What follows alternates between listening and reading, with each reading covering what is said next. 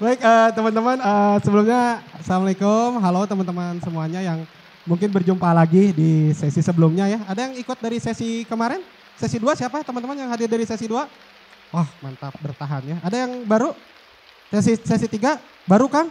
Udah ikut ospek belum? Wah panitia tolong.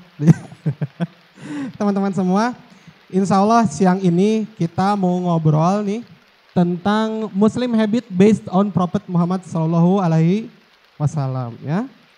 Nah, jadi topik ini cukup menarik karena topik-topik habits itu sering banget populer di kalangan kita sekarang ya. Ada yang tahu buku-buku tentang topik habits yang hits apa? Atomic Habits, karyanya siapa Kang? Cuman baca aja ya, oke baik ya. Atomic Habits karya James Clear. Ada lagi? oke ya, Teman-teman, uh, kalau bicara habits memang ini salah satu topik yang sekarang lagi populer. Karena sekarang gini, topik-topik keislaman tuh mulai juga marak uh, berkaitan dengan topik produktivitas ya. Time management ditambah dari sudut pandang Islam. Aduh. Productivity juga dari sudut pandang Islam. Nah, sekarang hari ini kita ngobrolin habits ya. Coba ada yang tahu nggak satu buku yang berkaitan dengan habits yang uh, dibuatnya dengan sudut pandang Islam? Ada yang tahu? Ada yang tahu? Enggak saya juga nanya ini, survei bukan kuis ya gitu ya. Mungkin yang kita kenal uh, produk produktif muslim juga ada ya kayak gitu. Nah, ini kita akan memperdalam sebetulnya habit seorang muslim itu seperti apa. Kan kalau bicara habits banyak banget contoh-contoh buku populer ya, gitu ya, The Power of Habits gitu dan lainnya. Nah, cuman kalau kita seorang muslim itu sebetulnya kalau bicara habits itu harus seperti apa sih begitu ya? Bikin habits atau kebiasaan ya, begitu sebelum saya lanjut, ada yang hari ini sedang berencana mengubah habitsnya. Ada? Ada yang punya habits yang ingin diubah? Ada? Oke ya. Nah, pasti kita selalu punya keinginan mengubah satu habits mungkin di hidup kita. Nah, kita akan ngobrol gimana caranya belajar untuk membangun habits, tapi langsung role modelnya itu adalah Nabi kita Nabi Muhammad Shallallahu Alaihi Wasallam. Nah, ngobrol ini saya akan ditemani bukan ditemani ya, justru akan langsung saya undang guru kita, mentor kita semua, pegiat parenting dan keluarga muslim. Wah, ini jauh-jauh beliau hadir bersama kita di sini. Langsung saja kita sambut ya dengan takbir ya. Ustadz, teman-teman, abah kita ya kita. Baik, langsung uh, semangatnya dulu ya gitu ya. Kita sambut bersama-sama coba. Vitamins La bila bila oh Leles seperti baru makan siang teman-teman ya leles gitu. Kan ini saum, semangat ya. Oke sekali lagi, vitamins. Lila, vila, bila. Allahu Akbar, bagus ya. Oke langsung saja tuh saya mengundang bersama kita Abah Hasan Faroki. Takbir, Allahu Akbar. Silakan Abah. Kelihatan teman-teman? Kelihatan ya. Itu bisa kehalangan eta tembok wah gitu. Kayaknya lebih besar nih. Oh kayaknya gue. Oke baik. Uh, oh iya, titipan panitia punten sekedap abah. Apa? Punten teman-teman boleh maju dulu ya. Ke mana? Sampai ke mana? Kang Mocok maju ke mana? Oh batas pintu boleh maju sedikit ya teman-teman. Yang ahwat mah menyesuaikan pintunya sana ya, jangan ke sini gitu. Oke, okay, baik. Nah, alhamdulillah ya. Baik, baik ya. Oke. Okay. Sudah ready, udah semangat, matanya berbinar-binar. Eh, bah, eh. Ya, alhamdulillah. Ini karena pengaruh yang muka acara kayaknya. Betul, Kang ya. Zaki, betul. Oh, iya. Tadi iya, Kang Zaki luar biasa ya. Monge gitu. ya. Iya, iya. Betul. Baik, uh, Alhamdulillah Abah sehat, Bah? Alhamdulillah sehat. Alhamdulillah. Boleh tuh menyapa dulu mungkin. Oh iya, teman-teman sekalian. Teman -teman ya. Assalamualaikum warahmatullahi wabarakatuh. Alhamdulillah eh, dengan izin Allah kita diberikan kesempatan untuk bisa nongkrong bareng, ngariung bareng, ngabuburit bareng ya. Dan mudah-mudahan ini jadi tambah eh, semangat buat kita untuk lebih produktif menjalani setengah perjalanan sisa Ramadan ya. Begitu. Karena Ramadan itu bulan produktivitas yang luar biasa ya walaupun memang kita harus sepakat dulu ya nanti kita bicara produktif itu mindsetnya harus sama dulu Betul. karena kalau beda nanti bisa saling prasangka buruk gitu ya hmm, Betul. maka Ramadan ini bulan produktivitas ya dan mudah-mudahan kita tambah berkah Allah tambah ridho dan ya ragam kebaikan lah ya, insya Allah. Iya. Amin. Insya Allah ya, Abah ya. Baik, alhamdulillah. Nuhun ya, Abah ya udah hadir di sini bersama kita mau Hmm. ngobrol bareng tentang habits ya, Ya. gitu. Karena biar kita lebih produktif, Bah ya. Oh, Nah, Oke. nah, pertanyaan pertama. Oh lang- langsung pertanyaan pertama ya? Oh, langsung pertanyaan pertama. Asa pemilih 100 gitu ya. Asa pemilih 100 gitu ya. Tete saya mau nanya ini, Bah. Apa? tuh? Apa kesimpulannya gitu. Tapi keburu kayak family 100 itu juga sudah lucu. Jadi tidak jadi saya tanyakan pertanyaan itu ya. Nah, kita kan ngomongin habits ya. Oke. Ah, ah, tadi kan Abah juga bilang produktif itu definisinya beda-beda ya gitu ya. Karena kalau kita ikutan produktif, misalnya gini, produktif tapi di kelas-kelasnya tentang eh, apa eh, eh, finansial, bah Hmm. produktif itu banyak uang Oke. endingnya ya gitu ya. Hmm. Nah, jadi suka ada definisi beda. Nah, sekarang sih yang ingin dibahas definisi tentang habits itu sendiri seperti apa, bah ya mungkin ya Oke. kita samakan karena kan suka beda-beda ya. Ih habits di sini mah begini, habits di sana begini. Nah, yang Hmm. kita bahas hari ini teh habits yang dimaksud itu apa sih, Bah?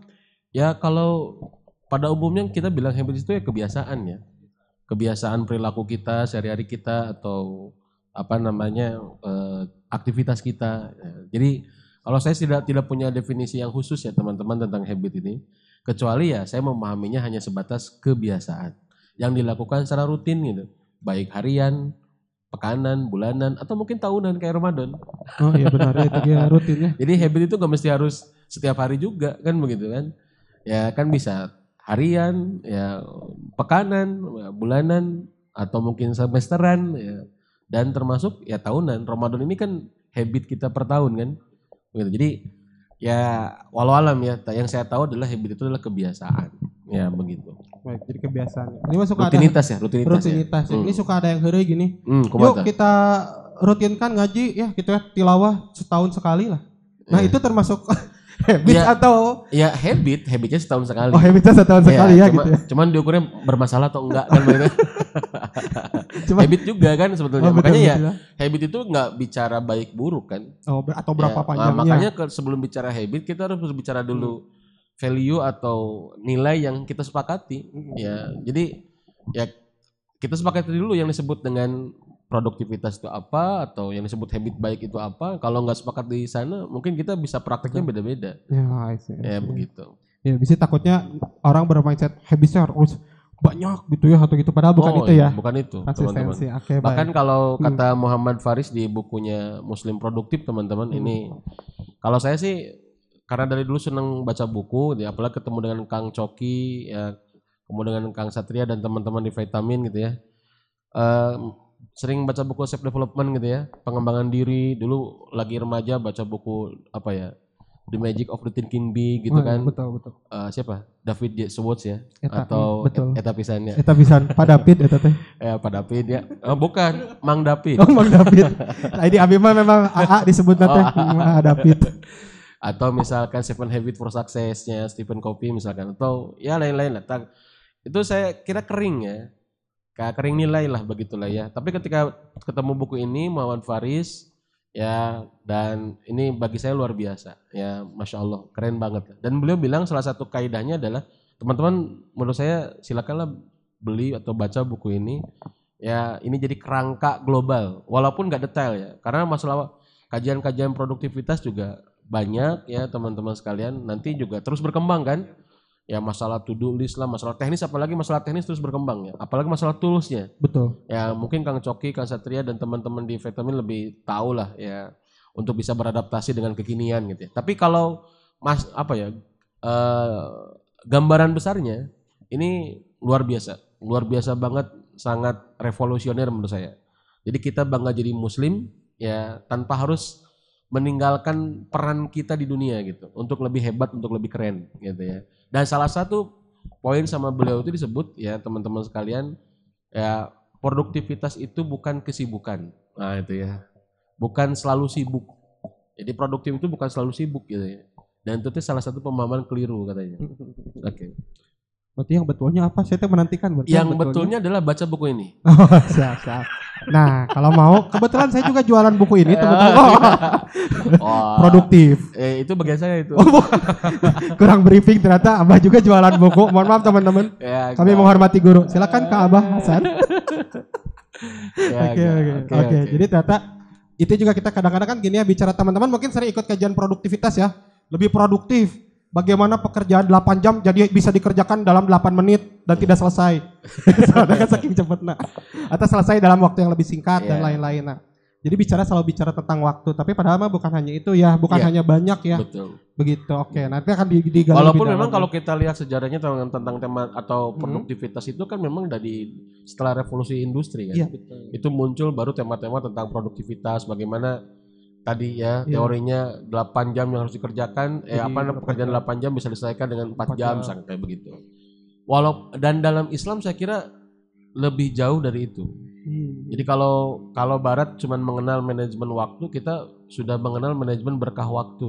Wih, Ya, Itu jadi bedanya. bukan hanya manajemen waktu aja, tapi manajemen berkah waktu. Nah. Bahkan gimana kita diajarkan tetap produktif walaupun setelah wafat. Produktif setelah Wafat. wafat. Keren gak? Tapi Nah. bukan jadi ruh gentayangan loh. bukan bukan ya. Kade bisa jadi yang wafat. teh. ya, dar we datang ke apa namanya ke dukun gitu ya. Jadi tetap produktif setelah wafat. Itu kan menembus batas waktu ya. Betul betul betul ya, betul. menembus batas waktu teman. Jadi produktif banget gitu ya, luar biasa. Hmm. Makanya kalau orang muslim ya mager, ya mager tuh bagus ya. Oh bagus itu. tuh. Bagus. Mari bergerak gitu. Uh, mantap. seperti Mari gerak gitu ya. singkatannya seperti dugem, ya, apa tuh? duha gemilang. Oh. Wah. Salat duha. Seperti Apa? seperti dados itu ya. Dada sama doa bahaya bahaya. Dakwah on the street. Udah mau on the street ya gitu. Agak ah bahaya. Udah udah Iya, udah udah. udah. Fungsi moderator akhirnya. tuh sebetulnya mengingatkan. Oh iya. Tapi ini malah tolong ada momen tambahan coba satu lagi lah. supaya ada yang mengingatkan Untuk mengingatkan momot untuk lurus ya. Terus diingatkan ke orang nanti. Oh ya baik ya, terima kasih eh Mbah ya gitu. Oke baik. Oke. Jadi, jadi sampai mana tadi teh Malas? Jadi kita ke Ya sampai ya. sana barusan kita. Betul betul. Oke oke baik ya. Jadi muslim itu kalau mager ya tadi ya saat itu baik ya gitu. Iya, dan itu menembus. Jadi bukan hanya bicara dunia gerak itu, tapi juga gerak itu mengundang pertolongan langit. Ya, ini kalau bicara gerak ya, bicara produktivitas. Kalau produktivitas itu misalkan didefinisikan dengan apa namanya karya atau gerak lah ya. Dan itu luar biasa. Makanya kenapa teman-teman coba lihat, kenapa ayat dakwah itu itu lebih diwajibkan, lebih didahulukan sebelum sholat lima waktu, betul nggak? Ya bahkan sebelum syariat-syariat yang lain dakwah itu di di di di, di apa namanya di didahulukan. Ya kan surat yang pertama turun itu kan al alaq, betul nggak? Ya lalu dilanjutkan dengan al muzammil atau al mudathir. Al mudathir itu kan perintah dakwah. Ya perintah untuk bergerak. Auzubillahi minasyaitonirrajim. Ya ayyuhal mudathir. Wahai orang-orang yang bergumul atau orang-orang yang berdiam. Ya kum fa'angdir. Kum fa'angdir. Gerak. Kum berdiri. Ya Jangan duduk, fa'angdir, berikan peringatan. Jadi Islam itu agama gerak. Islam itu agama beraktivitas. Ya. Jadi sebetulnya kalau bicara produktivitas, wah udah orang muslim udah lebih keren sebetulnya. Ya, cuman memang kadangkala ya karena kita teh nggak tahu sedikit ilmunya, kadangkala jadi kau bukan kawer nanti Tidak ada arahan. Bukan, jadi kaget gitu ya. Non, Oh. ya, apa namanya istilahnya? bahasa Sunda nama. bahasa Sunda Sok. apa? Ya, ya sok teh bahasa Sunda? Apa bahasa Sunda? Ru, Ruas, ruas ya. gagap, gagap, non gagap, Gagap. gagap, gagap teh non. Oh, oh kieu gini kan. Jadi seolah-olah Eta mah erep-erep bukan kan? bukan eueup-eueup mah Oh, he. erep-erep mah. Eta eta ah, gitu. Eueup-eueup mah he satu. Sare. Ya bentennya kita. Ya, gagap gitu. Ga, ga, ga, ga- apa namanya? Jadi merasa apa gimana? Ka, enggak jadi gagap teh jadi kusabab batur kusabab urang tara jadi pas mimiti miluan teh asa asa we urang teh tertinggal gitu. Apa tuh? Ah, gitu ya. Apa tuh? Apa ya? Gemper, lain, lain, gemper. Sok iya pelajaran bahasa Sunda ya. Saya udah udah masuk bahasa ini mah. Bukan gawar mah terganggu kan. Jadi kita teh jarang ya. Padahal orang teh enggak sebetulnya mah gitu kan. Tapi ku sabab jarang ketemu masuk ruangan baru, oh lihat orang teh seperti, Seperti lebih udah- hebat dari kita gitu. Seperti yang sangat maju gitu Tadi ya. gitu. Eh, Nah, nanti ya. itu. Ah, ginggiapeun salah ya. Jadi gagap, gagap aja. Wah, itu bikin kata baru ya atuh. Ente ah tegenaheun, Sini. pokoknya geus aya kata ngan Ya udah lah nanti ya kita kita, Ya. kita coba cari. Tapi kondisinya Tanya adalah Kang Jaki kira sok teu apaleun. Kang Zaki orang Pekalongan. Iya, mantap nih. apalin. eh, jadi teman-teman sekalian gagap kita tuh gitu ya.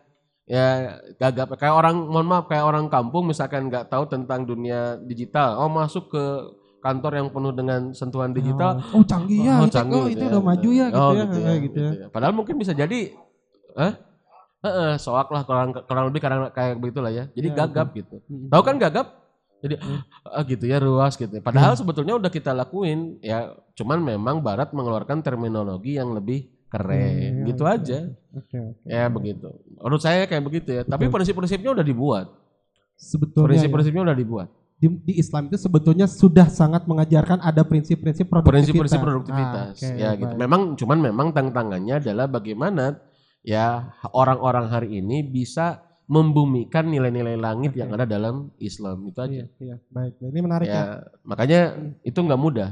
Betul. Makanya kalau dalam kata Ibnu Qayyim itu yang paling baik itu adalah ketika kita punya fikih dalil sama fikih waki. Fikih dalil itu da- landasan langit. Kalau fikih waki itu realitas. Ya, sebab nggak semua juga dalil atau apa wahyu itu bisa langsung dibumikan. Jadi butuh tentang realitasnya kayak gimana nih. Kalau nggak relate, nah kita nggak menemukan ketakjuban. Jadi walaupun landasan langit itu benar, tapi ketika tidak bisa dibumikan itu masalah besar. Ngerti nggak teman-teman? Makanya pentinglah kita bahas tentang tema-tema produktivitas ini berbasis Islam. Menarik, menarik ya. Nah, jadi itu tadi openingnya sedikit ya. Bahwa Iya. ternyata sebenarnya Islam sendiri itu udah udah punya nilai sendiri terhadap produktivitas itu ya gitu. Walaupun sekarang yang lebih populer tadi buku-buku yang tadi udah disebut ya. Seperti buku apa? eh, Atomic Habit, Atomic Habit. Power of Habit, Ya, buku Zam-Zam, promosi kayaknya ya. Bertumbuh. Ya nah, eh, nah sekarang makanya hari ini ini adalah ikhtiar juga dari Vitamins juga Ya. untuk eh, teman-teman gimana kita bisa memberikan gambaran oh sebetulnya itu ini loh sebetulnya yang dimaksud dengan produktif ataupun biasanya kan produktif itu dari habits ya. Makanya kita hari ini bahas habits nah. Iya. Makanya kita akan ngobrol nih nah. Tentang habits tadi udah dibahas sebenarnya habits itu kebiasaan. Tapi yang Iya. jadi pertanyaan lagi nih. Bah, kenapa sih kalau kadang suka ada istilah yuk kita bangun habits kita gitu. Kita bangun gitu. Jadi habits itu dibangun. Sebetulnya kebiasaan ini sesuatu yang muncul tiba-tiba, surprise atau memang sebenarnya itu sesuatu yang kita kalau udah dibangun kan berarti kita yang mempondasikan itu gitu Betul. sebetulnya. Oh, Bagusnya pertanyaan saya keren. Silakan Wah. saking kerennya saya tengah arti ya. gitu Wah. Jadi gimana? jadi, jadi maksudnya kenapa kita harus membangun Ah, membangun habits itu? habits, Ah, ya. habits kenapa Nah ini penting teman-teman. Faktor kenapa itu membang- eh, penting banget. Karena eh, memang ya Allah punya kurikulum tersendiri. Allah itu kan Robul Alamin. Rob itu kan yang mengatur, yang mengurus. Betul nggak? Rob itu adalah yang mengatur, yang mengurus. Jadi semua apa yang terjadi itu tidak ada ya ter- terjadi kecuali semua dengan izin Allah kan. Kalau Allah sampaikan auzubillahi minasyaitonirrajim At-Taghabun ayat 11 ma asaba min musibatin illa biiznillah. Semua yang terjadi juga dengan izin Allah. Jadi Allah punya kurikulum tersendiri sebetulnya. Ya untuk membuat manusia itu seperti apa, Allah punya kurikulum tersendiri. Makanya kalau dalam parenting ya, kalau dalam pendidikan itu, dalam pengasuhan itu, Anda nggak usah khawatir. Yang lebih sayang ke anak kita itu bukan kita, Allah. Kita menjadi orang tuanya, ngurus budak, ayah nundutan anak, betul nggak? Ada ngantuknya nggak ngurus anak? Ya, ada tidurnya nggak?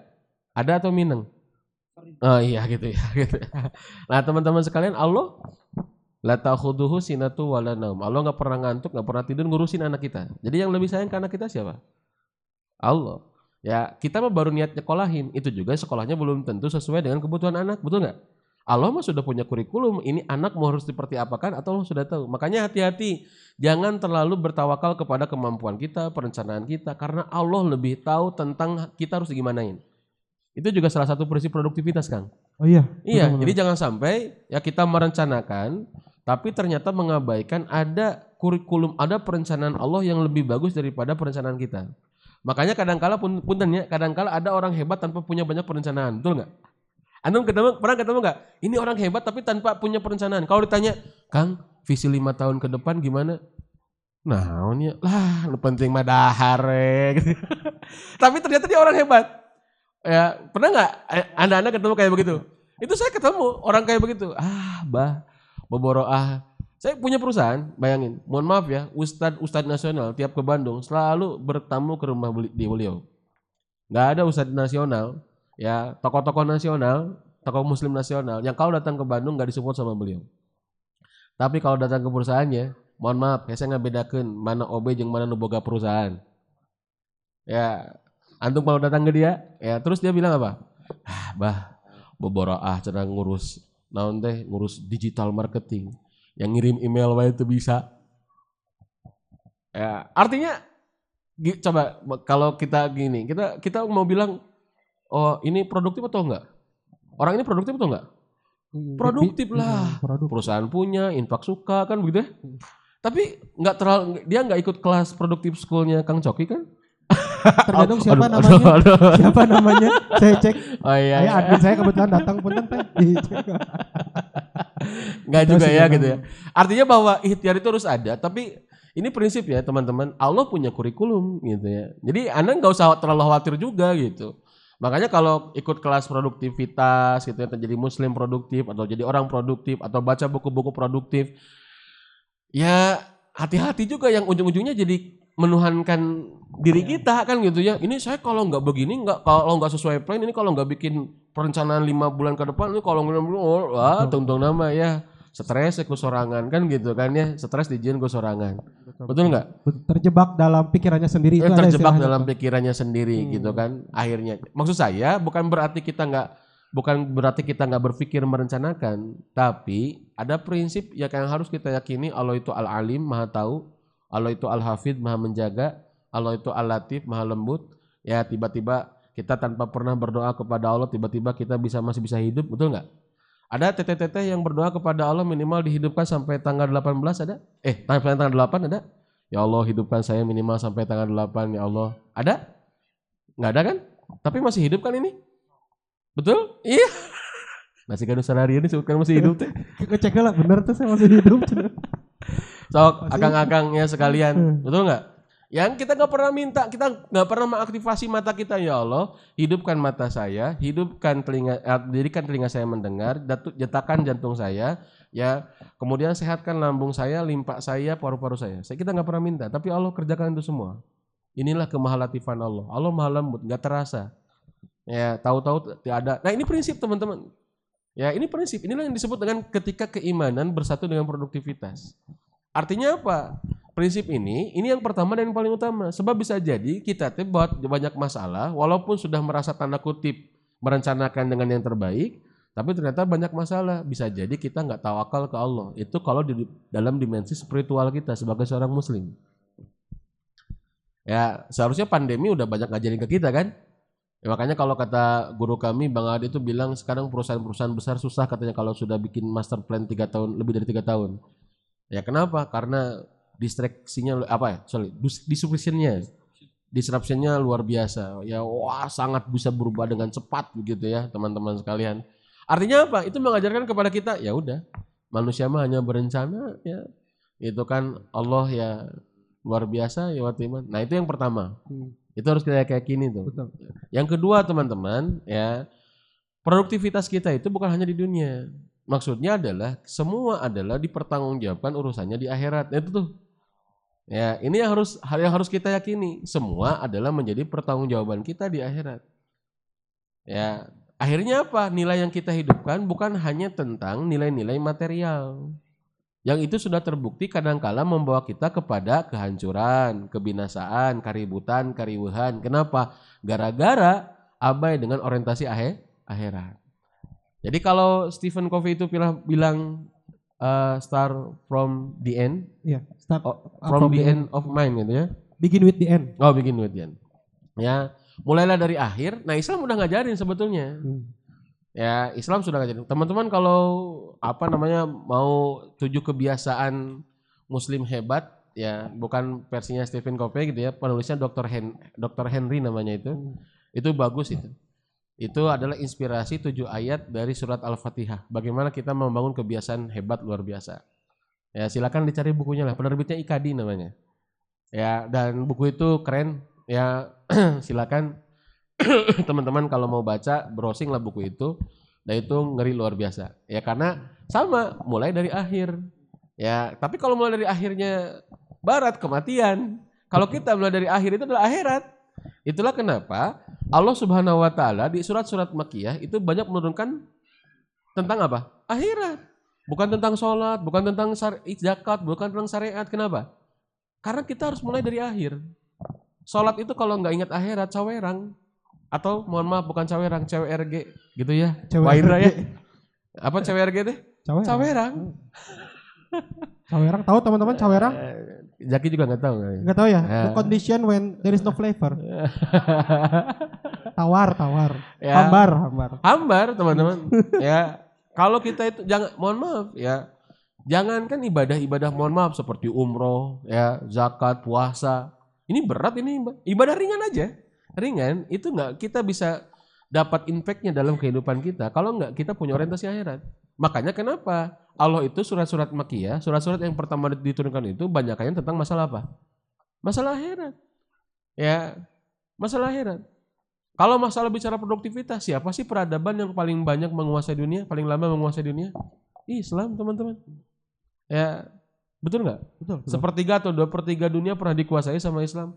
Kalau itu tanpa produktivitas yang tinggi, itu nggak bisa itu. Itu saya kebayang. Ya, kita mah jangankan ngurusin, mohon maaf ya, negara gitu ya.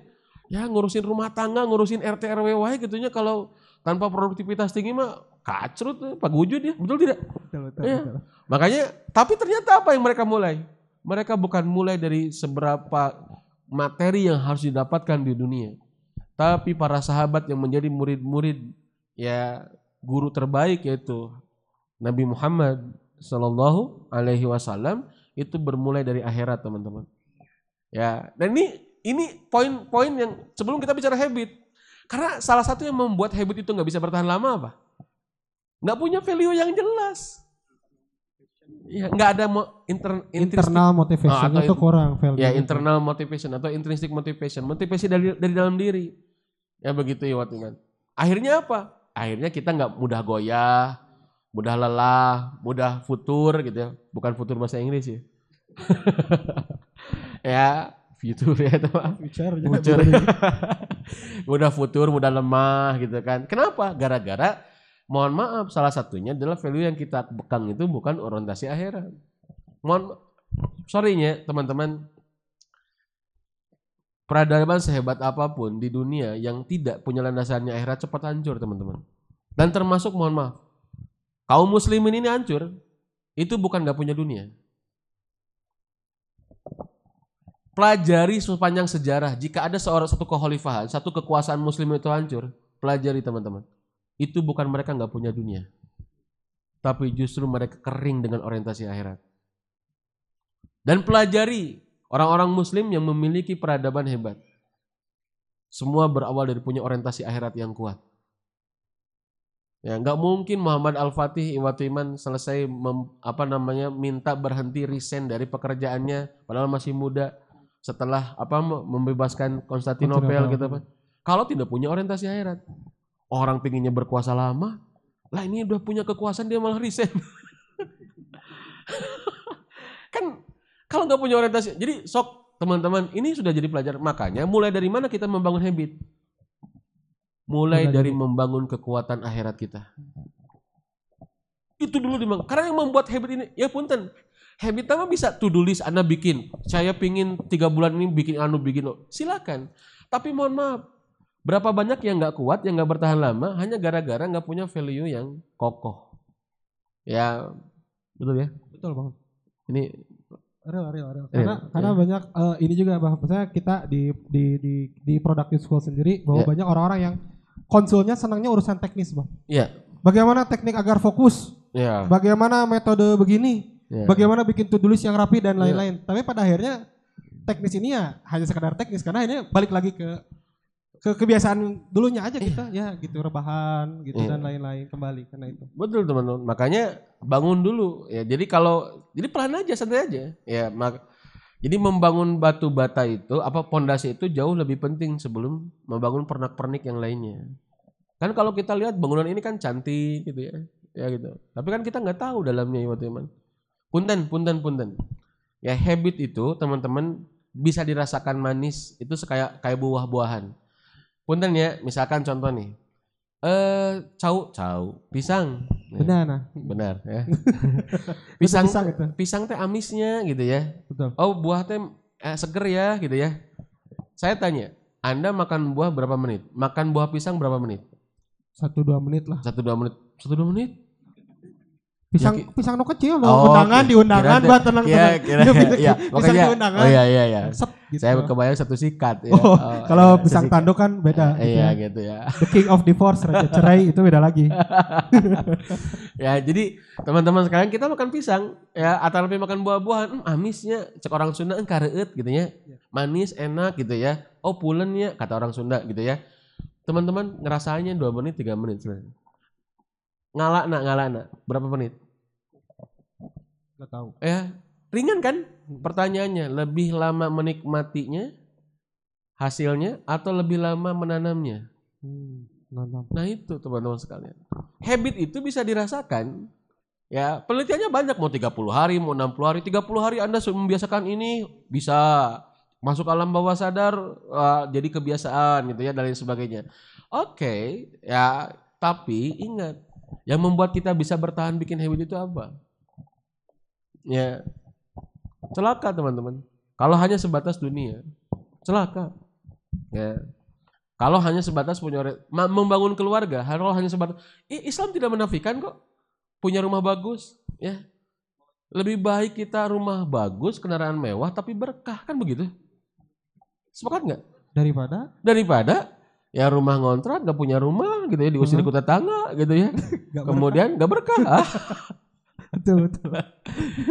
Jadi orientasi berkah teman-teman. Islam nggak, Islam tidak apa namanya mohon maaf ya tidak mengajarkan miskin. Makanya Nabi itu bawa agama, Nabi itu bawa syariat. Itu untuk bukan untuk mengkayakan orang miskin, bukan untuk memiskinkan orang kaya. Nabi Muhammad Shallallahu Alaihi Wasallam, beliau ini teman-teman sekalian, bawa agama, bawa syariat itu bukan untuk mengkayakan orang miskin, bukan untuk memiskinkan orang kaya. Mohon maaf nih, ya bukan untuk mengkayakan orang miskin. Jangan jadikan agama sebagai jalan untuk mengkayakan orang enggak. Ba- Bahkan sekarang kita punya fitnah yang berat. Apa tuh? Kurang tahu ya. Memang saya yang tahu. Karena itulah abah diundang. ya, ada fitnah berat nih teman-teman sekalian. Apa? Sekarang kemakmuran dunia itu itu adalah dijadikan sebagai indikator kualitas ibadah. Ini masalah ini. Akang belum punya rumah? Aduh, tahajudnya kurang, Kang. Ya, teteh, omsetnya kok gitu-gitu banget ya? Ah, sholat duhanya baru dua rakaat ya. Coba dong 8 rakaat. Hmm, ya Allah. Hah? Mobilnya belum ganti. Hmm, sodakonya tambah ya. Baik. Mewakili contoh simulasi. Mohon maaf teman. Saya tidak mengatakan bahwa kita nggak boleh kalau bertawasul, kalau pingin sesuatu bertawasul dengan amal soleh. Boleh. Anda pingin sesuatu nih, pingin rumah. Anda doa ke Allah, Anda tambah tahajud kalau boleh nggak? Boleh. Tapi menjadikan hasil itu menjadi indikator kualitas ibadah kita, ini masalah. Ngerti nggak? Anda pingin dimudahkan urusan sama Allah, anak pingin disolehkan, suami pingin disolehkan, istri pingin disolehahkan gitu ya. Anda tahajud, Anda sholat duha, Anda sodako, tawasul tuh dengan amal soleh itu boleh nggak? Boleh. Tapi kemudian mengatakan bahwa oh kalau kualitas dunia kita itu udah hebat, eh nggak berhasil, berarti ada ibadah kita yang eh apa namanya mohon maaf ada kualitas ibadah kita yang bermasalah. Ini mohon maaf kalau begitu siapa yang harus harusnya lebih makmur dunianya? Nabi Muhammad SAW. Karena yang paling bertakwa. Tapi tapi kisahnya nggak begitu teman-teman. Faktanya nggak begitu gitu. Kalau kisahnya begitu nggak mungkin. Ya Umar bin Khattab pernah suatu saat masuk ke kamar Nabi sampai nangis hanya gara-gara lihat kamar Nabi nggak ada apa-apa. Nangis tuh Umar. Eh, Sayyidina Umar tuh nangis. Sampai Rasulullah lagi tertidur terbaring bangun. Hei Umar kenapa kamu? Ya, ya Rasulullah Raja Persia Raja Romawi itu tahtanya singgasananya berda, am- apa namanya berlandaskan emas lah Anda tidur di atas tikar. Wahai Umar kamu ragu aku jadi Rasul? Enggak ya Rasulullah. Ya maklum sebagai orang yang cinta gitu ya kepada seseorang yang kemudian melihat dunianya serba terbatas ada empati gitu kan Sokrat kita kan kita kan kayak begitu ya kalau lihat orang yang kita cintai kemudian serba kekurangan aduh karunya gitu ya. nyagi orang tuh misalnya tapi orang teh duh kasihan gitu ya. ini Umar rasanya kayak begitu bukan meragukan Nabi wahai Umar apa urusanku mali wama dunia apa urusanku dengan dunia Ya, aku hanya iwatu iman kata Nabi Muhammad SAW, aku hanya seorang pejalan kemudian berteduh di atas pohon. Dunia itu hanya tempat berteduhku. Nanti juga aku jalan lagi. Ngerti nggak teman-teman? Eh, artinya apa? Kalau Rasulullah itu, kalau ketakwaan itu, atau sorry, kalau kemakmuran dunia itu diukur menjadi ukuran indikator kualitas ibadah seseorang, Nabi harus lebih kayaknya. Tapi kisahnya nggak begitu. Maka mohon maaf, jangan jadikan ya kemakmuran dunia itu ukuran kual- kualitas ibadah kita. Betul, betul, betul. Bahkan tuh bahaya tuh suka jadi ku apa parameter kesuksesan hidup di dunia ya. Ya. Jadi biasanya kalau lebaran suka kerasa bah. Oh gimana tuh? Misalnya kalau kita kumpul keluarga ya, Eh, terus ada yang gini, eh udah sukses, kira-kira apa tuh? Punya mobil, ya. Iya. atau ada ada rumah gitu ya. Tapi Iya. kalau misalnya dia misalnya tuh infaknya besar atau ngasih impact, jarang wah dibahas sukses Hmm. dianggap gitu. jarang ya? Jarang. Jadi itu maksudnya yang populer di kita juga salah satunya itu. Hati-hati. Ya makanya jangan sampai kita casingnya umat muslim tapi softwarenya Fir'aun sama Korun gitu ya. Ah, menarik, menarik, menarik, Iya. menarik ya. Duh, saya terlalu kasar ya? Di, dipelanin aja, dipelanin. Di blur punten nanti. Iya. Iya kan main Iya, betul. apa mohon maaf ya teman-teman. Ya sampai-sampai kita stres gara-gara ukurannya itu kan. Iya, betul. Sampai-sampai rumah tangga bermasalah gara-gara ukurannya itu. Ya anak juga mohon maaf ditularkan ke anak. Akhirnya apa? Anak juga jadi beban. Hmm. Ya teman-teman sekalian. Ya karena ukurannya itu. Maka jangan heran. Kalau kalau sekarang banyak apa namanya tuh? Ya buat apa punya anak riweuh? Ya daripada ngurus budak mah mendingan ngurus anak anjing gitu ya. Hmm. Iya. Iya, daripada ngurus anak lebih baik ngurus anak anjing. Anak anjing gak setia, lucu, kan Eh. gitu kan gak nyebelin, Iya. nurut. Hmm. Lah anak kita. gitu ya. Kalau ukurannya materi, Iya. gitu ya. Makanya child free itu eh, ini jadi Jadi ke sana ya. Sekilas saja saya Sekilas saja, kesempatan. sekilas- saya kasih dikasih kesempatan. Sedikit aja, sedikit Ya, aja berkaitan makanya- sama habits ya. Ya, sama Berkaitan habit. Sama habit. Ya, child free itu teman-teman ada yang nampak, ada yang seselumputan, ada yang tersembunyi. Kalau yang nampak ya dohir, saya nggak mau punya anak, riwe. Tapi kalau yang sembunyi-sembunyi, ya dohirnya punya anak, tapi hatinya nggak mau diribetin sama anak. Hmm. Dohirnya punya anak, tapi rudet budak, gancanglah ke pesantren kan liur budak teh. ya, akhirnya apa? Cari SDIT yang masuknya paling pagi, Hmm. pulangnya Paling sore. Kenapa? Emeteriwe. ya, mohon maaf ya. Cepat-cepat anaknya ke pesantrenin. Ya, kenapa? Riweuh di imam. Iya. Makanya kalau sudah anaknya masuk pesantren, tiis ceuli herang panon. Nonton drama Korea udah ngeganggu. mohon maaf ya teman-teman. Ini mah banyak di ibu-ibu di negeri Wakanda kayak begitu. Kalau di sini mah gimana? Ah, Ini mau udah kelihatan dari taarna gede, lainnya Oh. muka-mukanya juga bercahaya ya. Iya, gitu. Karena suka buka HP. Itu pun dah baca mushaf kan di Quran. Ah, Iya, oh, baca eh, baca kan Al-Qur ah, di HP-nya handphone juga. mushaf maksud saya Iya, gitu. betul. Iya, betul, betul. Ya. Allah luar biasa. Baik. Nah itu menarik ya teman-teman habits. Ternyata Ya. mungkin teman-teman pasti ada yang bilang, ah habitsnya teknisnya. Tapi ternyata menarik itu pertamanya justru bukan dari teknisnya, tapi dari teknisnya. mindset kita. Bagaimana sebenarnya melibatkan Allah dan menjadikan akhirat sebagai itu Iya, ya melibatkan betul. akhirat sebagai tujuan utama. Betul. Iya, tujuan betul, utama teman-teman. Semua akan dipertanggungjawabkan. Nah, karena karena Ya. kadang-kadang kita belajar teknisnya tapi mindset kita dari awal tuh nggak diubah. Ya, bah ya. Akhirnya nanti ngaruh juga. Nanti akhirnya teknisnya itu adalah kan teknisnya turunan teman-teman. Iya. Makanya kalau sebelum bicara habit itu bicara dulu mindsetnya dulu, bicara dulu value-nya dulu, sepakati dulu. Kalau nggak Iya. begitu mah ya begitu ya. Nah, menarik nih Bah nih. Udah semakin dalam nih tentang tadi ya kenapa harus bangun habits tapi poinnya adalah tadi ada ada beberapa poin habits apa yang harus dibangun. Nah, sekarang sebagai seorang muslim, Hmm. kita kan kita diberitahu ya kalau kata guru saya mah waktu SMP, SMA gitu ya. Apa SD saya lupa lagi ya. Sepatoha namanya tes. Sekolah gitu. Insya Allah sih kalau tidak lupa ya gitu ya. Kalau itu kan, wah ini Nabi Muhammad suri tauladan kita harus kita Hmm. contoh. Nah, Hmm. Sebetulnya definisi mencontoh Rasul itu seperti apa gitu? Kan lagi hari ini kita bicara tentang bagaimana kita membangun habit seperti Base, ya. Rasul, seperti Hmm. Muhammad Shallallahu Alaihi Wasallam. Nah, Hmm. ini yang pertama adalah apakah kita memang ya Islamnya harus Nabi Muhammad aja atau sebetulnya sebenarnya nggak apa-apa lihat yang orang luar juga gitu? Itu yang pertama ya gitu ya. Dan gimana sebenarnya cara menirunya itu sendiri gitu? Iya teman-teman sekalian, jadi kita jadi muslim sebagai bentuk keimanan kita kepada karena kita nggak sah Islam kita kalau nggak ada syahadat yang kedua kan asyhadu alla ilaha illallah wa asyhadu anna muhammadan abduhu wa rasuluh kan gitu atau wa asyhadu anna muhammadan ya rasulullah nah teman-teman sekalian karena syahadatain syahadatnya dua Jadi kita mesti iman kepada Nabi Muhammad SAW. Karena kalau nggak iman kepada Nabi Muhammad, cuman ke Allah aja, mohon maaf, orang-orang Yahudi juga cinta ke Allah. Makanya orang Yahudi itu kenapa lebih dulu dulu tinggal di Madinah. Dulu namanya Yasrib, bukan Madinah. Lebih dulu tinggal di Yasrib. kenapa? Untuk menyambut Nabi terakhir.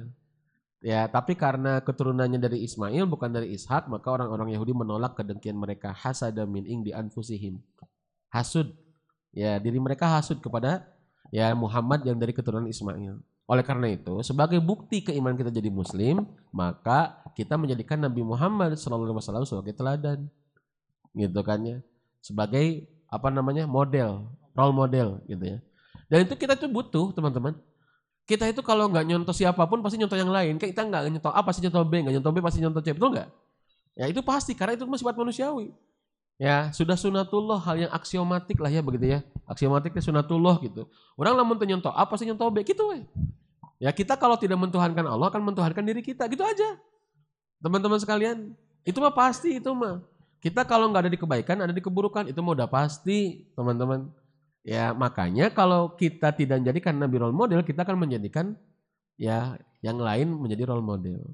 Oleh karena itu Allah sampaikan laqad kana lakum fi rasulillahi uswatun hasan. Ada contoh yang baik. Yang kedua teman-teman, memang sejarah membuktikan ya walaupun ini adalah tuntutan langit tapi juga ya sudah terbukti di muka bumi. Ya, sukses sembilan istri misalkan. Sukses dengan anak didik yang banyak misalkan. Tentu itu wahyu ya sembilan istri ya. Nah kemudian dan itu mengelola konflik luar biasa ya. Nah, itu kalau manajemen konflik saya nggak kebayang Nabi itu sembilan istri bisa mengelola konflik. Kita kadang-kala istri satu, uh, ngelola konflik dengan anak pertama perempuan kan ngesrudet kan nanti. Itu mela pemajikan, mela budakan gitu kan. Da indungna jeung budakna ribut misalkan begitu ya. Ini bukan curhat, ini mah contoh gitu ya. Misalkan ya, itu adil lancek atau indung budak gitu ya. Mohon maaf ya. Nah teman-teman sekalian kadang kita butuh manajemen konflik aja luar biasa. Nabi sudah terbukti. Ya, Nabi itu ketika wafat itu kurang lebih ada 120 ribu atau 200 apa namanya 120 ribu sahabat Nabi. Ya, sebagian mengatakan 124 ribu. Dihitung di mana ketika haji wada. Teman-teman sekalian, kalau anda tahu, ya setelah Nabi wafat, mohon maaf, eh mohon maaf, kalau anda tahu itu luar biasa. Apa yang terjadi? Ya, semua para sahabat menjadi expert di bidangnya masing-masing, ahli di bidangnya masing-masing. Ya, guru terbaik luar biasa. Ya ada peribahasa kayak begini Kang Coki. Ya peribahasa kalau kalau apa namanya guru hebat itu, eh pemimpin hebat itu akan menjadikan orang-orang biasa menjadi luar biasa. Betul ya? Ya, kalau pemimpinnya nggak hebat, orang-orang luar biasa aja jadi biasa-biasa gitu. Dan itu sudah dibuktikan oleh Nabi. Siapa bilang? Ya, siapa Wahsi? Ya, siapa Ali bin Abi Thalib? Siapa Mus'ab bin Umar? Ya, kehebatan mereka di zaman jahiliyah itu tidak lantas menjadi hilang. Makanya Nabi bilang khairukum fil jahiliyah, khairukum fil Islam idza. Hei kata Nabi, orang yang terbaik di zaman jahiliyah akan menjadi orang terbaik nanti di agama Islam kalau mereka benar-benar paham. Ngerti nggak? Ya. Jadi kalau ada orang-orang hebat, mohon maaf tuh, ya orang-orang hebat tapi di kubu misalkan ya kemungkaran, di kubu keburukan, itu kalau disatu dengan Islam tetap dia jadikan orang hebat gitu dengan versinya yang berbeda. Ngerti nggak teman-teman? Ya, tapi mohon maaf kalau nggak punya ilmunya mah anggar Ya, makanya ini penting ilmunya. Seperti apa? Bagaimana? Saksikan episode berikutnya. gitu teman-teman. Dulu saya kayak begini, kan kita mohon maafnya kalau kita sudah jadi beragama tuh seolah-olah satu ya apa namanya kita tuh nggak bisa produktif lagi gitu ya, nggak bisa berkarya lagi gitu kan terbatas gitu ya. Padahal luar biasa. Masya Allah teman-teman. Ya hebatnya Khalid yang dulu hampir, mohon maaf, yang dulu hampir bisa menjadi apa namanya itu? Hampir bisa menjadi asbab ya Nabi terbunuh. Nah, sudah masuk Islam hebat lagi. Musa bin Umar dulu orang hebat, dulu influencer. Ya teman-teman, eh diangkat dalam Islam jadi diplomat. Oh, luar biasa. Ini Nabi kalau nggak punya ilmunya, saya juga baru ketemu teman-teman. Kalau kalau baca dalil toh saya nggak bisa. Tapi kalau Allah saya bareng Kang Coki kita training ya waktu itu ya. Ya, kita bareng Kang Coki, bareng teman-teman yang lain, oh belajar tentang memetakan bakatnya kayak gimana. Oh ternyata pas ketemu baca hadis Nabi, itu makin tahu tuh, oh geningan kia carana. Tapi kalau cuma mohon maaf ya, baca hadis tok itunya, bingung orang tem prakteknya gitu ya. Tapi ketika setelah belajar, ternyata prinsipnya sudah dibangun Nabi, teknisnya, ya subhanallah ya iman. Nabi pun sudah melakukannya. Cuman kita nggak kebaca aja. Ya, seperti saya lah. Mohon maaf, saya bukan orang desain. Ninggalin desain sih kia. Kia nggak gambar teh, gitu ya. Ngerti nggak teman-teman? Ya, kia nggak gambar teh. Atuh, kan warna hijau hongkong mah orang nggak bisa gitu kan ya. Ya tekudu sekolah-sekolah lila dia satu desainer ITENAS misalkan mohon maaf ya. itu ya karena misalkan gitu. Tapi bagi orang desain itu beda lagi mandangnya gitu ya. Begitu. Sa ya, walau alam ya. Ya saya alhamdulillah bersama teman-teman vitamin dari awal. Ya saya tinggal desainnya hmm, halus ya biasa-biasa. Eh teman saya senior ya dia senior ya yang pengusaha tadi teh yang Allah berikan mak karomah tuh dia nggak bisa apa-apa lulus S1 juga terpaksa gitu ya tapi pengusaha besar dia bilang mohon maaf ya ya pakai parada kasar anjrit ya desain edan dia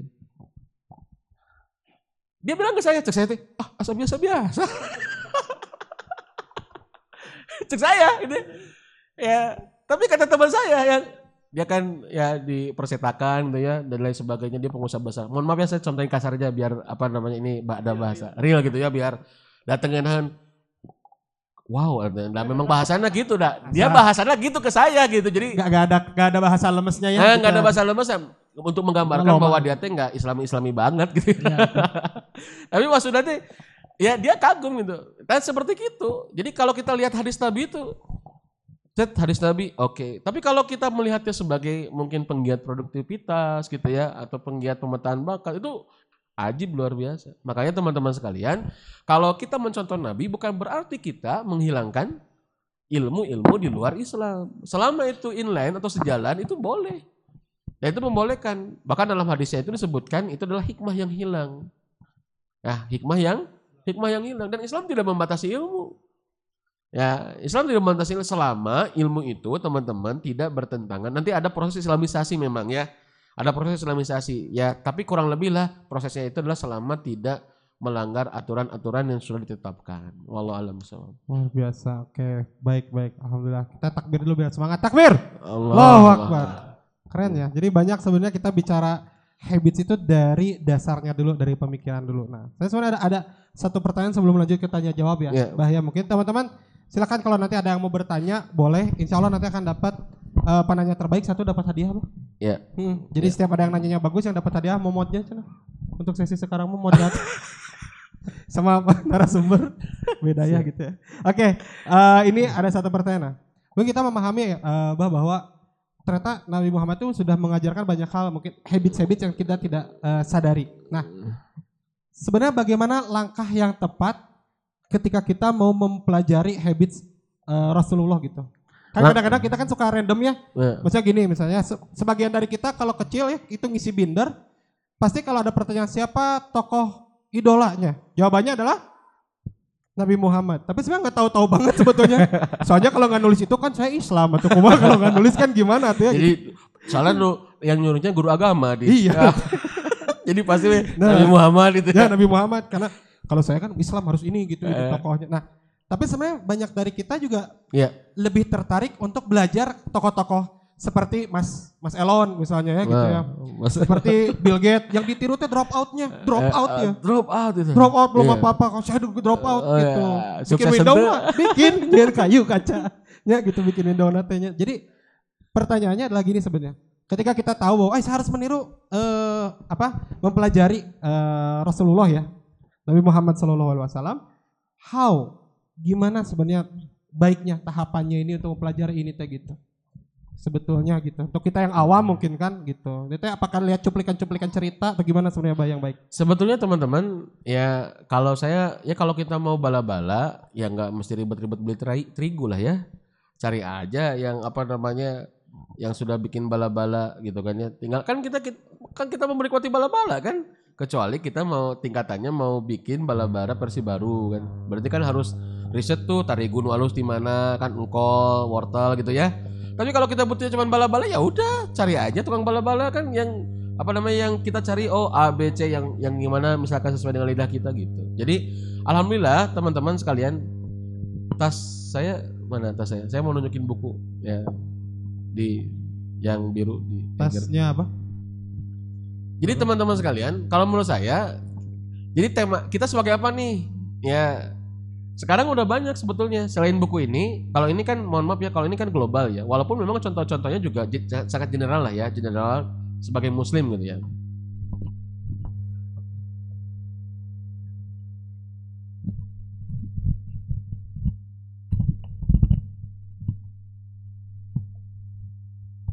Nah kalau yang buku ini memang eh, Dr. Muhammad Syafi Antonio sudah pakai tematik ya The Super Leader Super Manager ini luar biasa. Tapi ini pengantar. Sebab nanti ada empat ensiklopedi besar atau satu ensiklopedi empat jilid itu yang membahas tentang bagaimana Nabi Muhammad SAW itu dari berbagai aspek. Kalau ini buku pengantarnya namanya. Jadi di keluarga ada contohnya self development ada contohnya kemudian juga di militer ada di politik ada ada tapi ini pengantar.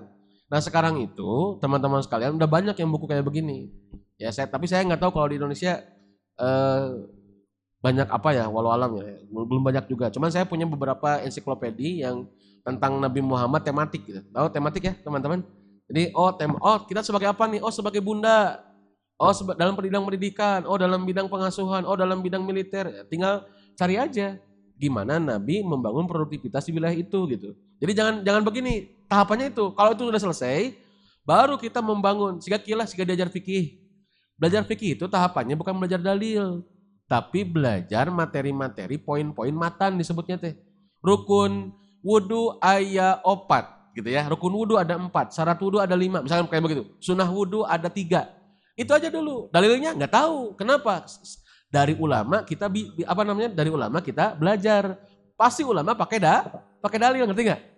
Pasti ulama pakai dalil, nggak mungkin pakai ulama nggak pakai dalil. Ya saya yakin insya Allah itu ulama pakai dalil. Cuman untuk mengajarkan kepada yang awam kita belajar dulu poin-poinnya tuh. Lalu kita ah eh, orang tuh puas, naikin lagi. Ada dalilnya. Oh saya nggak puas, naikin lagi. Itu ya ada perbedaannya nanti gitu ya. Ya di sholat aja udah ada 120 perbedaan. Ya gitu ya. Tapi apakah kita kalau sebagai orang awam langsung gitu? Can apal oke doa tahiyat langsung masuk ke 120 perbedaan sholat matak nepi ka takbiratul ihram itu salat-salat saya tahu begitunya. Nah, da, membaca takbiratul ihram itu beres 200 halaman misalnya begitu ya. Karena terjadi banyak perbeda, perbedaan. Ngerti nggak paham teman-teman? Sama. Sekarang kalau kita mau produktif di bidang apa nih? Ambil aja tema itu, lalu kita sesuaikan dengan apa namanya kerjaan kita, kebutuhan kita, disesuaikan teman-teman. Walau alam bisawab. Ya, karena kita yakin yang harus itu adalah dibangun tadi satu, ini perintah syar'i. Dua, ya realit sejarah membuktikan, faktanya membuktikan bahwa Nabi itu udah sukses, sudah berhasil. Diakui oleh lawan dan dikagumi oleh kawan. Betul nggak? Ya itu Nabi sudahlah the best iwatu iman. Saya mohon maaf termasuk yang tidak langsung belajar prophetic parenting. Saya nggak langsung belajar tentang uh, pengasuhan ala Nabi.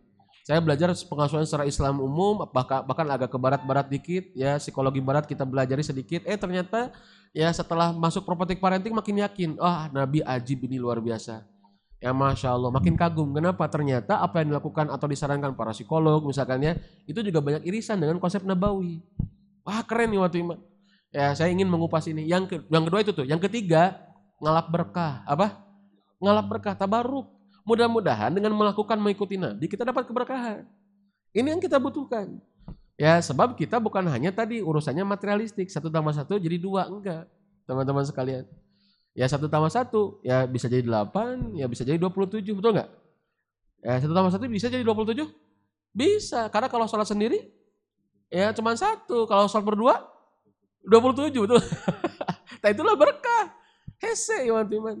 Ya kalau saya satu tambah satu jadi empat. Anaknya kan begitu saya dengan istri satu empat. Otw lima sekarang insya Allah ya. Nah teman-teman sekalian jadi luar biasa. Jadi itulah berkah. Jadi susah berkah mah gitu. Kalau cuman makanya kalau saya bahasa saya ya berkah mah butuh kaludeng. Tahu kaludeng? Kaludeng bahasa Indonesia kan? Bahasa Inggris kan? Courage, keberanian. courage keberanian betul. Tapi bukan bukan eh, agak tinggi lagi. Apa kalau ludeng? Kan berani. eh ber, ah, lu be- ludeng mah langkung ti wanian Oh, wani ludeng, ludeng. Berani nih like apa lah? Ane- Nekat, nekat. Nekat. Harus ada nekat. Kalau nggak nekat, nggak nekat dikit dikit nekat susah. Hmm. Ya teman-teman sekalian, sok datang ke harti atuh aina orang. Ya setengah jam harus ditinggalkan untuk sholat. Padahal mau dipakai ngehubungi mitra gitu ya, nggak jaga toko, nggak sepuluh ngasilkan. Kalau kita nggak nggak ada keberanian, nggak ada kenekadan, susah kita nggak nyali berkah. Nggak teka hartiku akal gitu. Ngerti nggak? Iya. Makanya butuh kenekadan teman-teman. Makanya teman-teman sekalian, tiga alasan menurut saya kenapa kita harus base on Prophet Muhammad gitu ya. Kenapa kita harus basisnya Nabi Muhammad? Satu, karena kita jadi muslim, tuntutan syar'i. Dua, faktanya memang Nabi sudah terbukti berhasil, betul nggak? Ya, yang ketiga adalah ngalap berkah. Mudah-mudahan we atuh kusiga kieu teh nurutan Nabi orang diberkahi gitu. Ya, jadi tujuannya ke sana teman-teman. Ya, supaya diberkahi karena Nabi Muhammad adalah manusia paling berkah. Buktinya apa manusia paling berkah? Sampai detik ini ya jutaan manusia ngantri ingin ziarah ke makam Nabi, betul nggak? Itu keberkahan Sayyidina Muhammad Sallallahu Alaihi Wasallam. Ya, itu berkah itu. Doain terus. Yang kita dengar tadi ceritanya pernah Umar aja nangis di kamar gara-gara kamarnya seperti itu. Hari ini ruangannya ya masya Allah teman-teman sekalian. Ya, jadi kenapa kita nyari lagi yang lain gitu? Menurut saya begitu. Ya, ma- tapi juga bukan berarti kalau kita nyonton Nabi, oh ini nggak boleh nih ngambil yang lain, enggak. Ya kenapa? Sebab selama urusan dunia kita boleh. Nabi aja antum alamu bimuri duniakum. Kamu lebih tahu urusan dunia kamu. Ya makanya Islam membuka ruang itu. Islam membuka ruang itu. Terjadilah banyak istihad termasuk ya kemudian di zaman Umar bin Khattab itu banyak tuh struktur-struktur kenegaraan yang dibuat zaman Umar. Itu juga Islam secara detail nggak ngajarin. Ya, jadi kita bisa ngambil urusan dunia dari selain apa namanya selain selain sumber Al-Quran dan Sunnah selama eh, tidak bertentangan, sejalan gitu ya, ada kemaslahatan. Insya Allah luar biasa ya. Ayaan itu tuh. Ayahnya, Oh, ayah. Baik, ayah. alhamdulillah luar biasa sekali lagi kita coba kasih semangat buat kita semua. Takbir. Allahu Akbar. Luar biasa banget ya hari ini teman-teman semua ya. Kita bicara tentang habits. Dan ini ini bedanya kalau kita di, di luar ya. Ya. Nih lihat dari berapa jam, jadi berapa jam. Kamu kerja lebih tenang. Oh, eh, ah gitu ya misalnya. Tapi teteh bagi kita seorang muslim justru yang paling utama juga apa? Mindsetnya itu yang paling pertama ya. Bagaimana kita melibatkan Allah. Karena sering kali kita lupa sibuk mencari jalannya, gimana jalan Iya. tercepatnya, tapi kita lupa tujuannya itu untuk Iya. apa produktif itu ya. Baik, dan tadi sudah dibahas sama Abah Hasan, kita mungkin akan perdalam ya Abah ya. Ya. Teman-teman eh, boleh kalau ada yang mau bertanya, saya buka eh, sesi pertanyaan. Silahkan ya untuk bahas tentang habits, Muslim habits based on eh, Prophet Muhammad Shallallahu Alaihi Wasallam. Silakan jika ada yang mau bertanya, baik ada apa teh? Ngaco? Iya betul. Iya saya memastikan Bisi mau ke toilet gitu kan izin gitu juga kira. Oke baik. Eh Punten boleh silakan.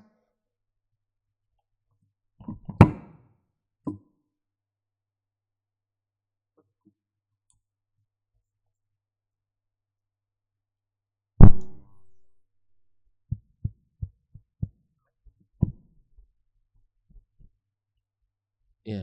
Iya. Cek, cek sound. Iya. Angkat ya. Ya, Bismillahirrahmanirrahim. Assalamualaikum warahmatullahi wabarakatuh. Waalaikumsalam warahmatullahi Eh, perkenalkan nama saya Titi dari Cimahi. Bah izin bertanya, ya eh, jika kita ingin meminta sesuatu, pasti memintanya pada Allah, betul ya?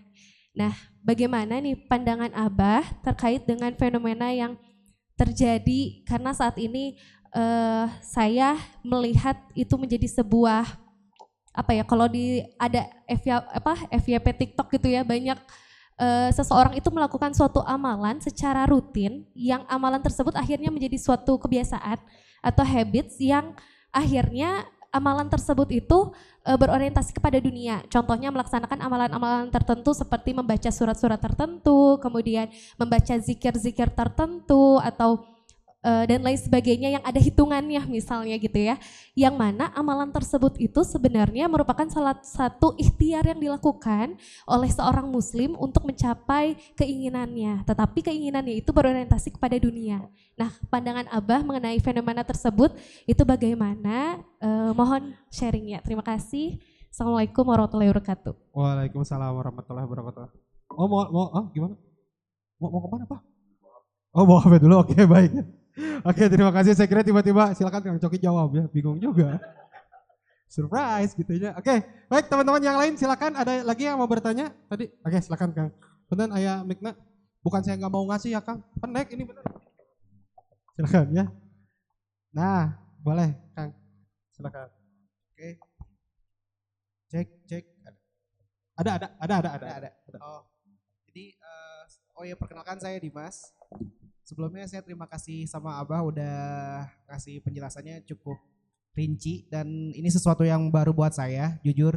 Biasanya kalau masalah produktivitas itu masalah time management semuanya serba harus singkat, harus padat. Pokoknya kita tuh kayak harus capek aja. Banyak hasil ya. Banyak hasil, Hasil hasilnya. hasil hasil Hustle pokoknya culture. cuan, cuan is life gitu kan.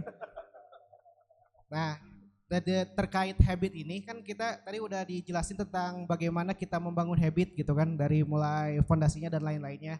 Tapi di sini saya mau nanya tentang bagaimana cara nge-maintain habitnya itu sendiri karena eh buat saya pribadi gitu saya punya pendek eh fokus yang pendek jadi sering mudah terdistraksi dan lain-lain. Nah, gimana supaya kita tuh selalu stay on track gitu buat tetap pada habit itu karena kadang ada yang namanya bosen dan semacamnya lah. Paling itu aja. Terima kasih. Baik, satu ya Kang Dimas ya. Mungkin dua dulu ya. Ya, Bah, ya. dua dulu, oke. Baik, baik. Silakan Wah yang pertama tuh di di TikTok atau di sosmed suka ada yang gitu-gitu. Baca ayat ini nanti oh, saat gitu. Iya. Lakukan amalan ini. Gimana Bah sebenarnya kayak gitu tuh? Jadi begini teman-teman, ikhtiar itu atau usaha itu ada dua. Ada ikhtiar yang disyariatkan, ya ada ikhtiar yang tidak disyariatkan. Yang disyariatkan itu ada dua, ada yang boleh, ada yang dianjurkan. Ya. Nah kalau selama itu adalah dianjurkan, itu enggak problem. Ya boleh-boleh aja. Ya misalkan contoh, ketika ada satu riwayat nih, Abdullah bin Mas'ud misalkan ketika wafat, ya dia bilang aku gak khawatir anakku apa namanya khawatir anakku fakir karena suka baca al-waqiah. Misalkan begitu. Ini juga dilakukan oleh para ulama. Saya ngambil jawaban ini dari jawabannya Imam Al-Ghazali di bukunya di bukunya Minhajul Abidin ya. Bolehkah kita mengamalkan amalan tertentu untuk dunia? Kata beliau, selama dunia itu dikembalikan untuk akhirat, menjadi wasilah untuk akhirat boleh. Itu yang pertama. Ya, boleh. Jadi dunia itu bukan tok. Kita saya misalkan pingin mobil baru, ya. Karena mobil ini supaya lebih maslahat untuk keluarga, keluarga untuk akhirat, gitu ya. Jadi ujung-ujungnya mesti ya akhirat atau ujung-ujungnya mesti agama, boleh itu. Tapi kalau ujungnya tok hanya untuk dunia memberkahi nafsu, nah itu nggak boleh. Ya. Dan yang kemudian yang kedua itu pun adalah ada ada aturannya kata Nabi ini. Contoh misalkan ada hadis kursi ini anfik unfik alaik. Ya bersodakolah kamu nanti kamu dikasih sama Allah. Jadi boleh kita bersodakoh kalau kita ingin mendapatkan balasan di dunia untuk Allah. Tetapi tidak dunia berhenti tok. Ngerti nggak? Ya kenapa ingin dibalas lagi oleh Allah? Supaya untuk kemaslahatan agama kita kemaslahatan akhirat kita. Kalau kata kayak begitu kata Imam Al-Ghazali boleh insya Allah. Ya ngerti nggak? Jadi bukan hanya untuk ke apa namanya ke ke ke ke, ke kenikmatan duniawi kita atau hawa nafsu kita. Jadi ujungnya harus akhirat. Walaupun sebagian ulama jangankan minta kayak begitu. Minta dunia aja sebagian ulama ada yang nggak mau. Nah itu pilihan. Itu mah udah tingkatan nanti bicaranya. Kata seperti Sa'ad bin Abi Waqqas. Sa'ad bin Abi Waqqas. Sa'ad bin Abi Waqqas ini teman-teman sekalian adalah sahabat Nabi yang doanya diijabah dan kalau memanah itu rat, apa namanya puluhan bahkan ratusan meter itu pasti tepat. Ya, itu Sa'ad bin Abi Waqqas tuh, radhiyallahu an. Kenapa? Karena doa Nabi, Allahumma ajib dakwatahu was apa namanya wasadid tahu. Ya Allah, orang ini dakwah ija- ijabah do- doanya ya dan kalau memanah pasti tepat. Makanya orang-orang tahu kalau Sa'ad bin Abi Waqqas berdoa itu pasti diijabah doanya. Paham ya teman-teman? Suatu hari, suatu hari Sa'ad bin Abi Waqqas itu apa namanya itu buta. Buta. Ada fase kehidupannya itu buta. Buta, Kemudian teman-temannya bilang, lah anda ini kan, panjenengan ini kan misalkan ya, ya ama dah insya Allah tuh doa kami doakan diijabah. Katun nggak doa we ke Allah cing diperlihatkan mata. Apa jawabannya? Ridho dengan takdir Allah lebih aku senangi daripada mataku terbuka. Ini tingkatannya udah beda. Imam Ahmad kalau sakit nggak berobat, boleh nggak? Boleh. Jadi berobat itu nggak wajib teman-teman. Berobat itu mubah. Atau dawa itu mubah. Jadi kalau orang saya nggak mau berobat, saya mau menikmati sakit ini supaya dapat pahala. Boleh nggak? Boleh. Jangan bilang ini wajib itu. Ini enggak dalam Islam nggak begitu. Ya boleh, boleh. Teman-teman ikhtiarnya ikhtiar langit. Apa? Tawakal ke Allah. Terserah Allah. Aku ridho dengan pemberian dari Allah. Boleh nggak? Boleh. Tetapi mohon maaf jangan sampai kita tidak berobat tapi rungsing wae ke pemajikan. Ya kesal terus ke anak. Ini masalah juga kan begitu. Saya emang gak mau berobat lah tawakalnya ke Allah. Tapi ya Allah marah-marah terus. Katanya tawakal. Nah paham gak maksud saya? Pada tingkatan tertentu itu boleh teh. Bahkan ada ulama yang jarang berdoa minta ke Allah. Dikira aja. Ketika ditanya, ulama ini bilang, lah Pak, Pak, Pak Kiai kenapa Anda jarang minta doa, doa, jarang berdoa kepada Allah, jarang minta ke Allah? Apa dia bilang? Yang ada aja belum disyukuri, malu kalau minta. Ngerti gak teman-teman? Boleh gak kayak begitu? Boleh. Dan amalan seperti itu pun boleh. Tapi mohon maaf, amalan ibadahnya ini, ini tingkatan keikhlasannya, ini tingkatan pertama. Begitu ya. Jadi kalau tapi tadi ya syaratnya bukan tok untuk dunia. Kalau toh untuk dunia saja jelas tuh. Ingin jabatan. Jabatan boleh teman-teman. Jabatan politis boleh. Tapi tadi tuh ya bukan untuk dunia. Ya, apa kata Imam Al-Ghazali li din atau li apa namanya li zuhuri sa'airillah untuk menampakkan agama Islam, untuk mensiarkan agama Islam misalkan begitu. Lah kalau Anda jadi misalkan kepala personalia, Anda bisa ngatur waktu sholat, bawa itu jabatan itu. Ngerti nggak? Ya bisa dipahami nggak teman-teman? Boleh nggak? Boleh. Anda tipe porose. You, you know the tipe porose? Ya Anda maksain diri. Maksa tipe porose itu maksakan diri. Ya tipe porose itu bahasa Perancis. Oh. Ya jadi maksain diri. Ya pengen jadi kepala personalia. Ya eh itu dunia loh nggak boleh. Tapi kalau Anda ada kemaslahatan agama, kata ulama boleh. Ya, bukan untuk kita. Tapi kalau cuma untuk dunia, berhenti di sana. Apa kata Allah? Surat Hud ayat se ayat ke-15, ayat ke-16. Begini ceritanya, "Mangkana yuridul hayata dunya wa zinataha nuwafi ilaihim a'malahum fiha wa hum fiha la yubkhasun." Barang siapa yang menginginkan kehidupan dunia dan perhiasannya, nuwafi ilaiha, nuwafi ilaihim a'malahum. Kami kasih. Jadi kalau Anda pingin amalan kalau cuman pingin amalan itu dunia, dikasih sama Allah. Ya, apa namanya? Wahum fiha la yubkhasun, enggak akan dikurangi. Tapi apa ayat ke-16-nya? Ulaika al Ulaikal ladina laisa lahum fil akhirati ilan nar. Mereka lah orang-orang yang nanti di akhirat gak dapat apa-apa kecuali api neraka. Ngeri kan? Iman. Makanya jangan maksa ke Allah tuh gitu. Itu doa hamba atau doa raja. Gua nggak doa tapi itu diijabah. Maksa ngamuk. Itu mah doa hamba, doa raja bukan doa hamba. Ya, kalau doa hamba terserah Allah, Allah Maha Raja. Ya, begitu ya. Jadi boleh teh ya, apalagi itu di sana. Namun nanti kalau jumlah-jumlah jumlah-jumlah misalnya, oh baca sekian ratus, sekian itu biasanya ada dua, ada sumbernya dari asar, asar itu dari nabi atau dari para ulama, apa namanya dari para ulama ada ya yang dibikin oleh ulama sebagai bentuk riyadhah, sebagai bentuk latihan. Nah, ini terjadi ikhtilaf itu, jadi perbedaan. Ada ulama nentuin ama 100 aja dulu istighfar. Maksudnya bukan berarti membatasi 100, tapi tahu kemampuan si orang ini gitu ya 50 wae asa jebleh gitu misalkan tanya asa bibirnya besar besar ah udah 100 dulu aja gitu. Hmm. Kalau ama misalkan Kang Dimas udah apa namanya 250 kenapa? Karena udah biasa. Hmm. Itu kadang-kala ulama ngasih kayak begitu tip. Mohon maaf kadang-kala itu sebagai bentuk real tuh, sebagai bentuk latihan, latihan gitu ya.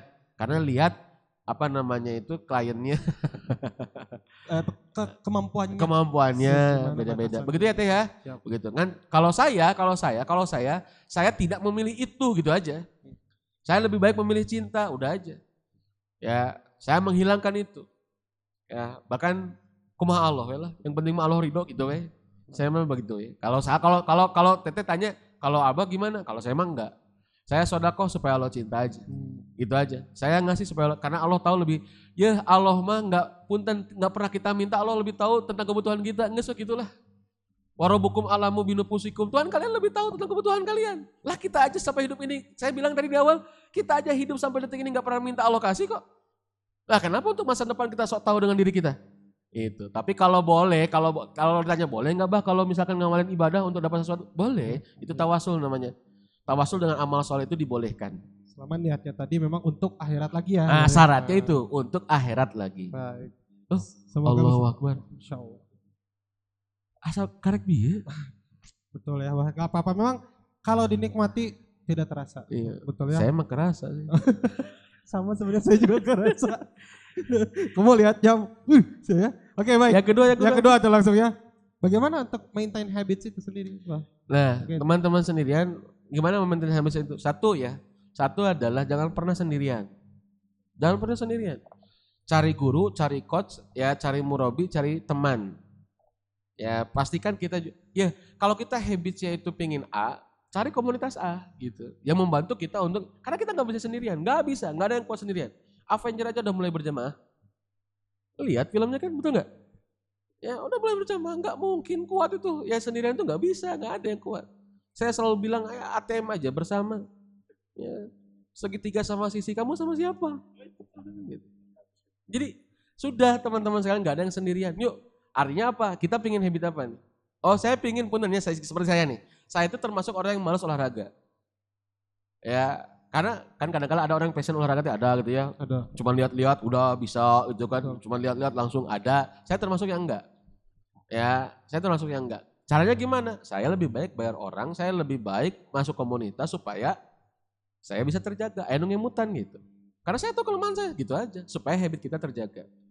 Ya, yang kedua, ya setelah tadi apa namanya? nggak sendirian, yang kedua bantu dengan catatan.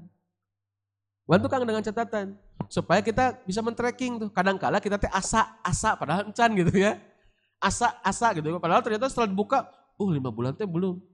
Makanya ya alhamdulillah kita selalu catatan itu selalu ada. Dan saya melihat, mohon maaf, ya baik para ulama ataupun orang-orang sukses dunia tanda kutip hari ini itu selalu bawa catatan kecil. Ya kenapa? Karena dicatat, dicatat, dicatat. Apa yang sudah diraih Kang, Akang sudah meraih misalkan, oh sebulan ini ternyata aku sudah punya tiga kebiasaan baru. Syukuri, alhamdulillah. Ya karena kata kata apa namanya eh siapa Al Iskandariyah tuh Allahu Akbar. Min makai di syaiton anyun si al insanu malato ifallah. Jadi di antara tipu daya setan itu adalah suka melupakan kebaikan-kebaikan Allah. Kita bisa sholat itu capaian. Anda taraweh 30 hari itu capaian, syukuri itu. Ya terima kasih ya Allah. Kita puasa sampai sekarang, terima kasih ya Allah. Kadang-kala kita memang jarang mengapresiasi diri. Ya. Padahal mengapresiasi diri itu penting Kang. Nuhun ya Allah gitu. Terima kasih gitu ya. Atur nuhun. Ternyata kita teh sudah melakukan itu tapi kurang diapresiasi ya. Bang. Ya keburu kayaknya. Apa nih? Oh gitu? Iya. Baik, berarti ini mah benar-benar di episode selanjutnya Episode ya. selanjutnya. Baik, nah itu ya jadi salah satu, eh tadi sudah cukup Pak jawabannya? Oh cukup jawabannya. Lebih dari cukup malah. Lebih dari cukup ya, kita rasa. Itu aja langsung. Baik ya. Baik, semoga bisa menjawab ya Kang Dimas ya. Jadi teman-teman semua mungkin itu jadi PR juga ya. Tadi di awal membangun habitsnya, berikutnya adalah maintain habitsnya. Dan itu memang tidak bertolak belakangnya ternyata ya makanya nggak salah James Clear di Atomic Habits juga bilang Hmm. yang lebih penting dari motivasi adalah lingkungan. Ternyata memang benar. Oh, gitu ya? Iya. Begitu kata itu yang selalu diremehkan. Makanya amal-amal jariah bersama-sama itu, amal jamaah itu lebih kuat gitu, Iya. konsisten eh, katanya begitu. Masya Allah ya. Baik, teman-teman semuanya alhamdulillah tak terasa waktu juga yang akhirnya memisahkan kita. Ya, eh, wah ini mah memang senang mungkinnya kita bahas ini ya, tapi Ya. insya Allah nanti akan ketemu Saya lagi nggak- Bah nggak ya. nyangka juga saya Kenapa? bisa se ya ya begini. Ya. Saya juga gak nyangka ya gitu ya. Aduh luar biasa. Baik, Ini baru seperdelapannya ini. Dan seberlapannya Iya, iya. ya betul. Karena ternyata emang semoga ini kita mungkin vitamin juga nanti di, di reguler setelah Ramadan kita bahas itu Bang. Oh iya. Series produktivitas Harus. benar ya? Harus. Benar gimana? Sepakat nggak? Eh, Sepakat kan teman-teman? Join ya? Ya, ya, Nah, anu bilang sepakat jadi panitia ya. Ya, Yang usul panitia dong ya. ya, ya.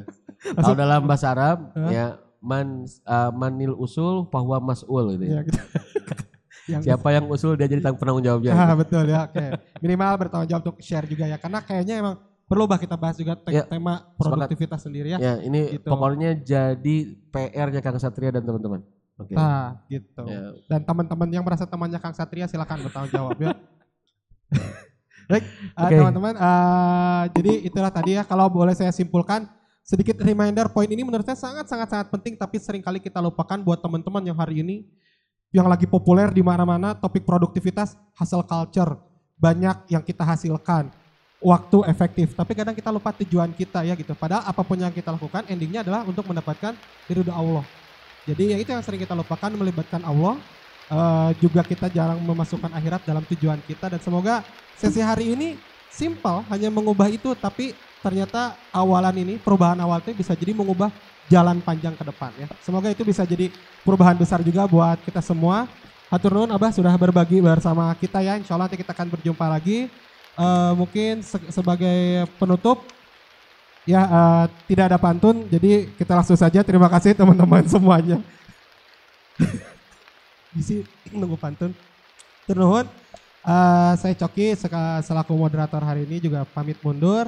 Saya kembalikan ke Kang Zaki untuk bisa sesi ini. ya. Terima kasih. Hatur nuhun. Assalamualaikum warahmatullahi wabarakatuh.